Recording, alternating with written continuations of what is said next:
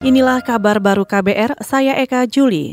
Rancangan Undang-Undang Sumber Daya Air ditunda pengesahannya. Komisi Bidang Infrastruktur DPR menegaskan penundaan dilakukan karena masih terjadi perdebatan pada pasal 51 tentang pengelolaan sumber daya air. Anggota Komisi Bidang Infrastruktur DPR Bambang Haryo mengatakan Perbedaan pendapat terjadi karena ada sebagian dewan ingin swasta dilibatkan dalam pengelolaan sumber daya air. Yang menjadi perdebatan itu tentang perizinan, perizinan. Ada yang menginginkan supaya itu murni ini sesuai dengan pasal 33 yang di mana semua air betul-betul uh, dikelola oleh negara untuk kemakmuran rakyat. Terus ada yang yang menginginkan untuk memberikan satu peluang kepada kepada swasta. Nah, ini ini masalah hanya permasalahan perizinan aja. Anggota Komisi Bidang Infrastruktur DPR Bambang Haryo menambahkan, rancangan Undang-Undang Sumber Daya Air akan diratifikasi Agustus nanti. Menurutnya, tidak ada lagi yang diperdebatkan dalam rancangan undang-undang yang pembahasannya harus selesai pada sisa masa jabatan DPR periode saat ini. Asosiasi Pengusaha Indonesia APindo menilai perlu ada penyesuaian antara materi rancangan Undang-Undang Sumber Daya Air dan kondisi yang ada saat ini. Ketua Umum Apindo Haryadi Sukamdani beralasan rancangan Undang-Undang Sumber Daya Air dapat membatasi pengelolaan air di masa depan hanya melalui BUMN dan BUMD yang memiliki kemampuan terbatas. Pemahaman dikuasai oleh negara itu lalu diberikan hak itu kepada BUMN atau BUMD.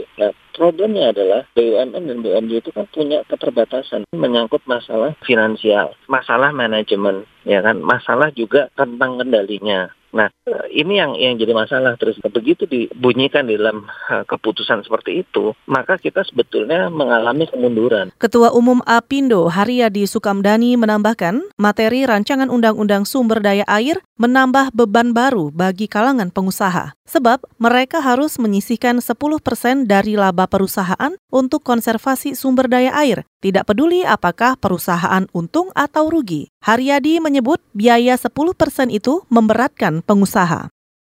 Kita ke soal korupsi. Komisi Pemberantasan Korupsi KPK siang ini akan memeriksa Wali Kota Batam, Kepri, Muhammad Rudi. Informasi selengkapnya disampaikan reporter KBR Mutia Kusuma Wardani dari Gedung KPK Jakarta. Komisi Pemberantasan Korupsi KPK menjadwalkan pemeriksaan untuk Wali Kota Batam, Kepri Muhammad Rudi.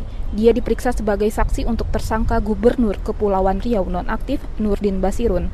Nurdin Basirun merupakan tersangka kasus suap izin prinsip dan lokasi pemanfaatan laut proyek reklamasi di wilayah pesisir dan pulau-pulau kecil Kepulauan Riau 2018-2019 dan gratifikasi uang berkaitan dengan jabatan. Selain M. Rudi, Lembaga Anti Korupsi juga memeriksa enam saksi lainnya dari beragam unsur, yaitu Sekda Kepri, Kepala Badan Kepegawaian dan Pengembangan Sumber Daya Manusia Kepri, Kepala Seksi Pendayagunaan Pesisir dan Pulau-Pulau Kecil, anggota DPRD Provinsi Banten, seorang notaris, dan dari pihak swasta. Ya. Selain Nurdin, KPK juga menetapkan dua tersangka dari Dinas Kelautan dan Perikanan atau DKP Kepulauan Riau, serta satu orang swasta yang menyuap Nurdin bernama Abu Bakar. Pada operasi tangkap tangan dan penggeledahan di rumah Nurdin, KPK menyita uang sejumlah 6,1 miliar rupiah. Uang itu diduga terkait dengan gratifikasi uang berkaitan dengan jabatan.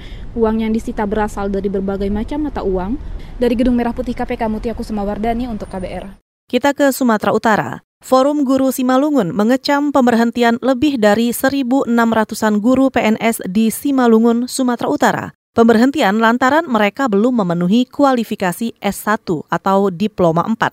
Ketua Forum Guru Simalungun, Ganda Armando Silalahi mengatakan, keputusan pemberhentian ini menyalahi aturan. Selain itu, keputusan pemberhentian ribuan guru ini juga berdampak pada kegiatan belajar mengajar anak didik di sekolah. Di Undang-Undang Nomor 14 Tahun 2005 tentang guru dan dosen, apabila tidak memenuhi peraturan, pertama diberi sanksi. Yang pertama itu berupa teguran. Kemudian setelah dilakukan teguran, baru dilakukan peringatan tertulis. Ini belum ada teguran, belum ada peringatan tertulis, langsung dibuat surat keputusan. Itu pun keputusannya hanya satu hari. Berdasarkan keputusan Kepala Dinas tanggal 26 Juni itu juga, langsung keluar juga SK Bupati. Kan nggak logis. Ketua Forum Guru Simalungun, Ganda Armando Silalahi menambahkan, Tak hanya yang belum strata 1 dan diploma 4, guru yang sudah bergelar strata 1 juga turut diberhentikan. Alasannya, kampus tempat mereka menyelesaikan gelar S1-nya berada di luar zonasi.